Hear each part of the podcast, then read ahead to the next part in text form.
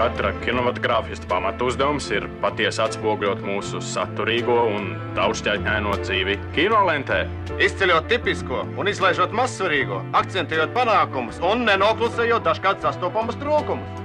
Balansējiet, nu godājiet vēseli inženieri starp pienākumu un varēšanu.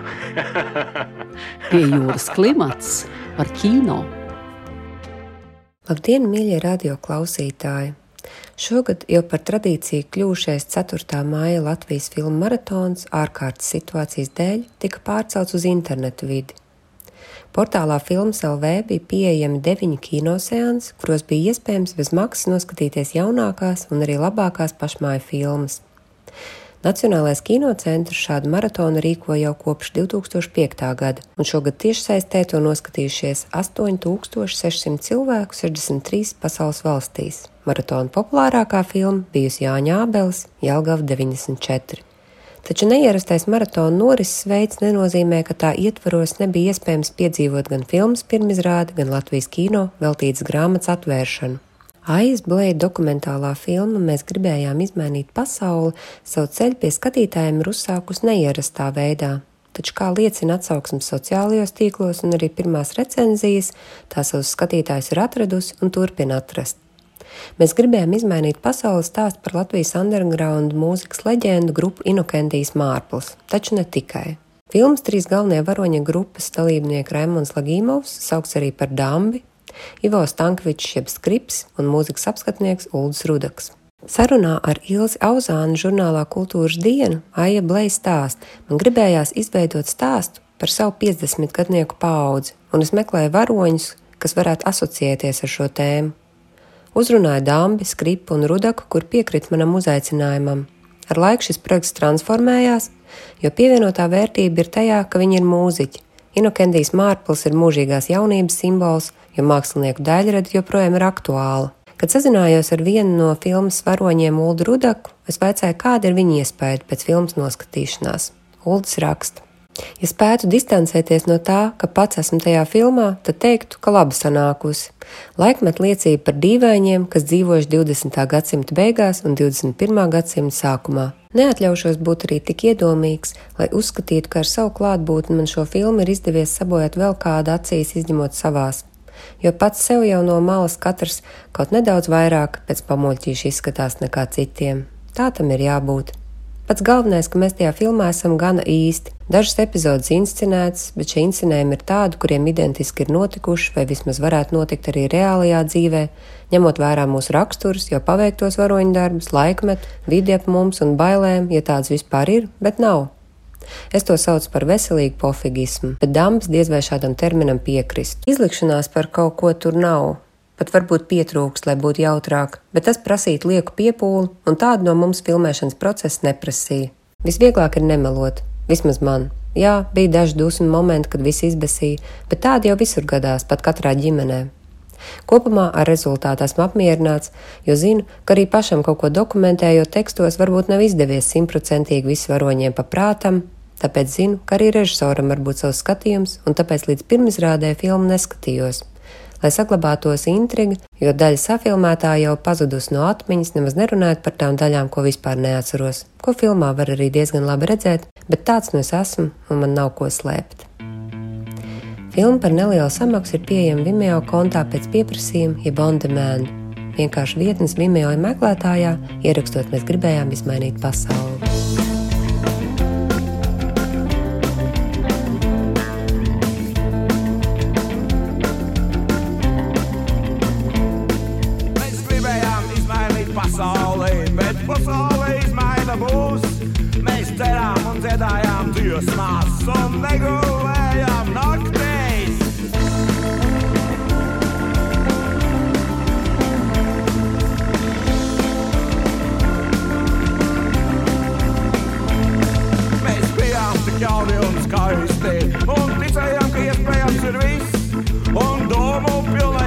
Istabās kalām savus lielos un varenos sapņos.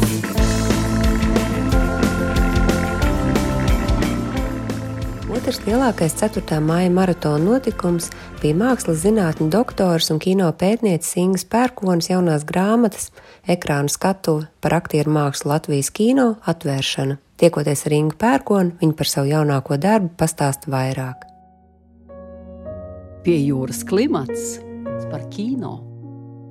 Kāds bija sajūts atvērt savu grāmatu ekrāna skatuvi attālināti? Nu, dīvainas katrā ziņā, bet uh, es pēc tam paskatījos, ka skatījumi bija pār pa 200 atvēršanas brīdī, un tas noteikti ir vairāk nekā man būtu iespējams uzaicināt uh, uz fizisku atvēršanu. Tā kā ir savs labums arī, protams.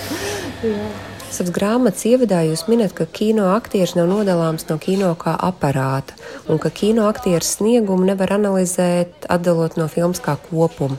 Taču reizēm recenzijās tiek uzteikti aktieru darbi arī vājās filmās. Vai tas vispār ir iespējams?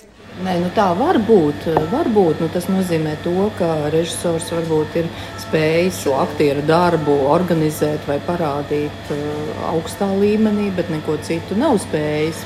Dažkārt aktieri nu, ļoti varbūt uh, tādus pilnu priekšnesumu sniedzot, viņi noēd to pārējo. Un tad, protams, mēs varam runāt par uh, nu, režijas problēmām attiecībā uz to visu pārējo, bet ne uz aktieru. Bet vispār, protams, ir dīvaini arī nu, tātad, tās balvas, kas varbūt ir vispopulārākās par labāko aktieru darbu, nu, ko parasti viss visvairāk gaida un pārunā un aprunā.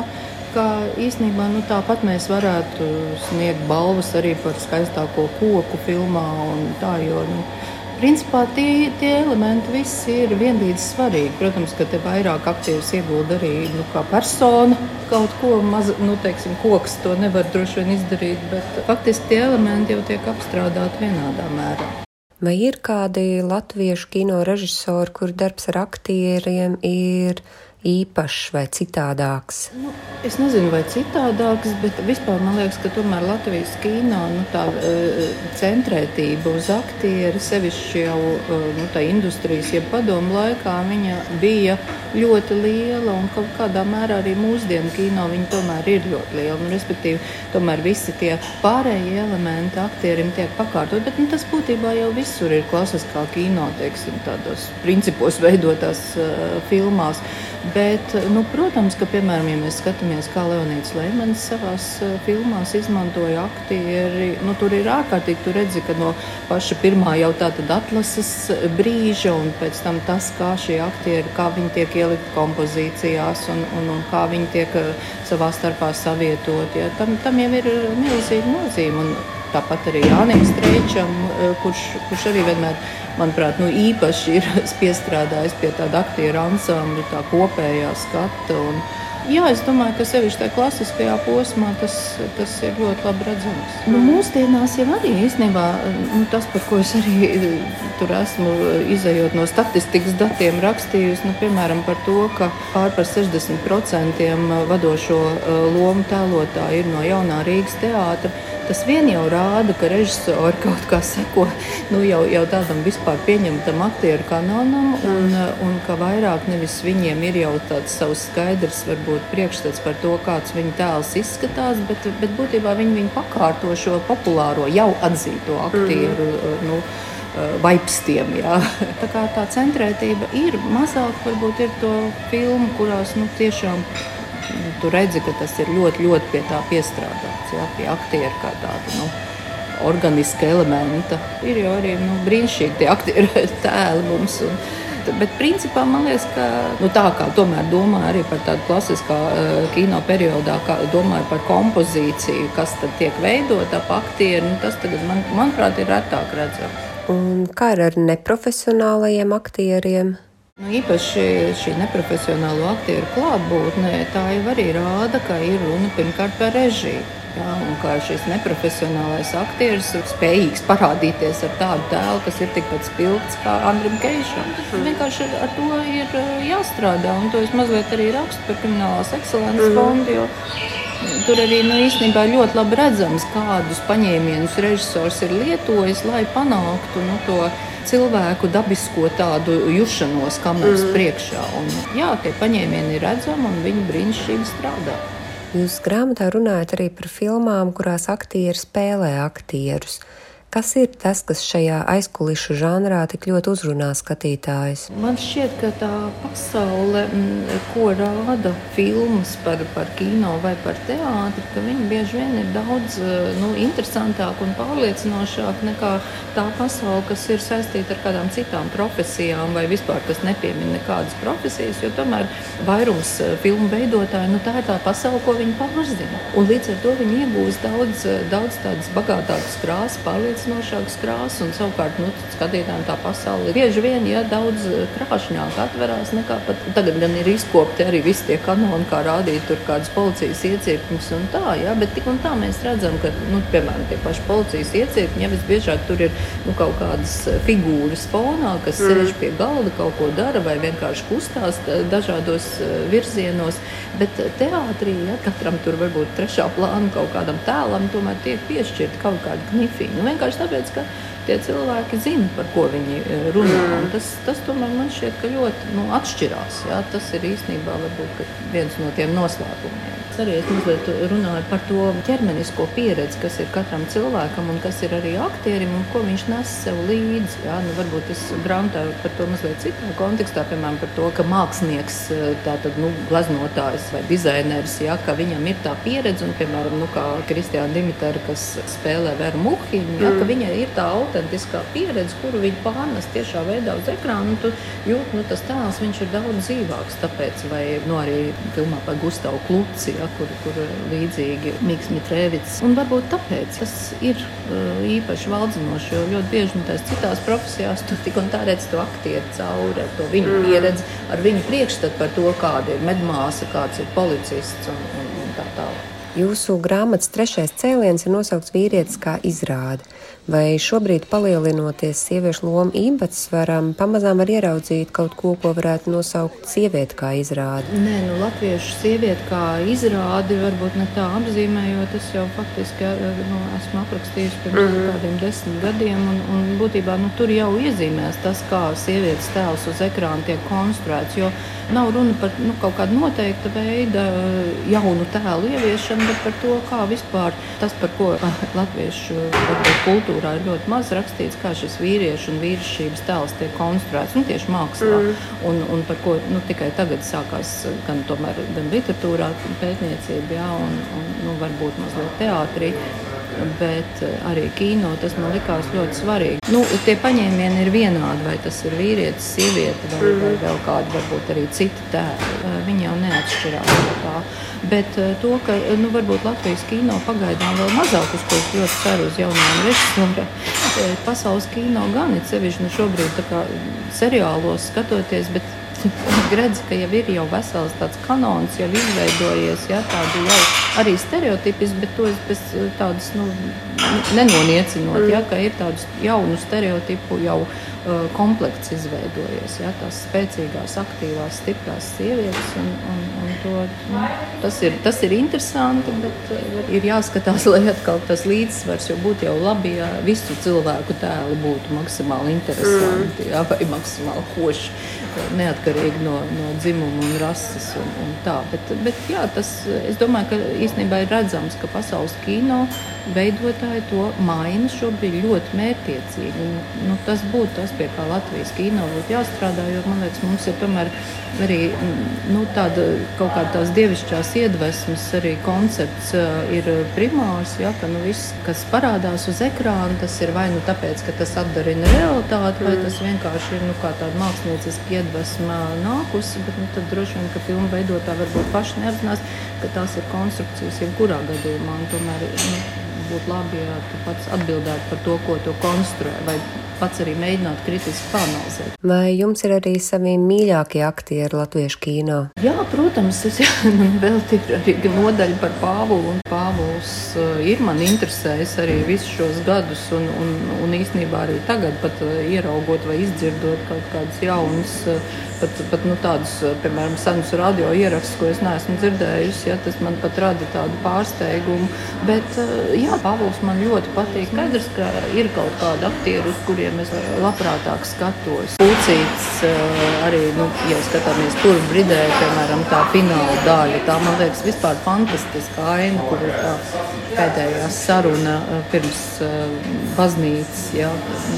Runājot par režisoriem, tiek runāts par šo autorību, tiek minēts autoru kino, bet cik lielā mērā aktieris ir autors? Nu, es eh, no tāda aspekta tieši par Pāvulu arī runāju, arī nu, atsaucoties uz, uz eh, ārzemju aktieriem.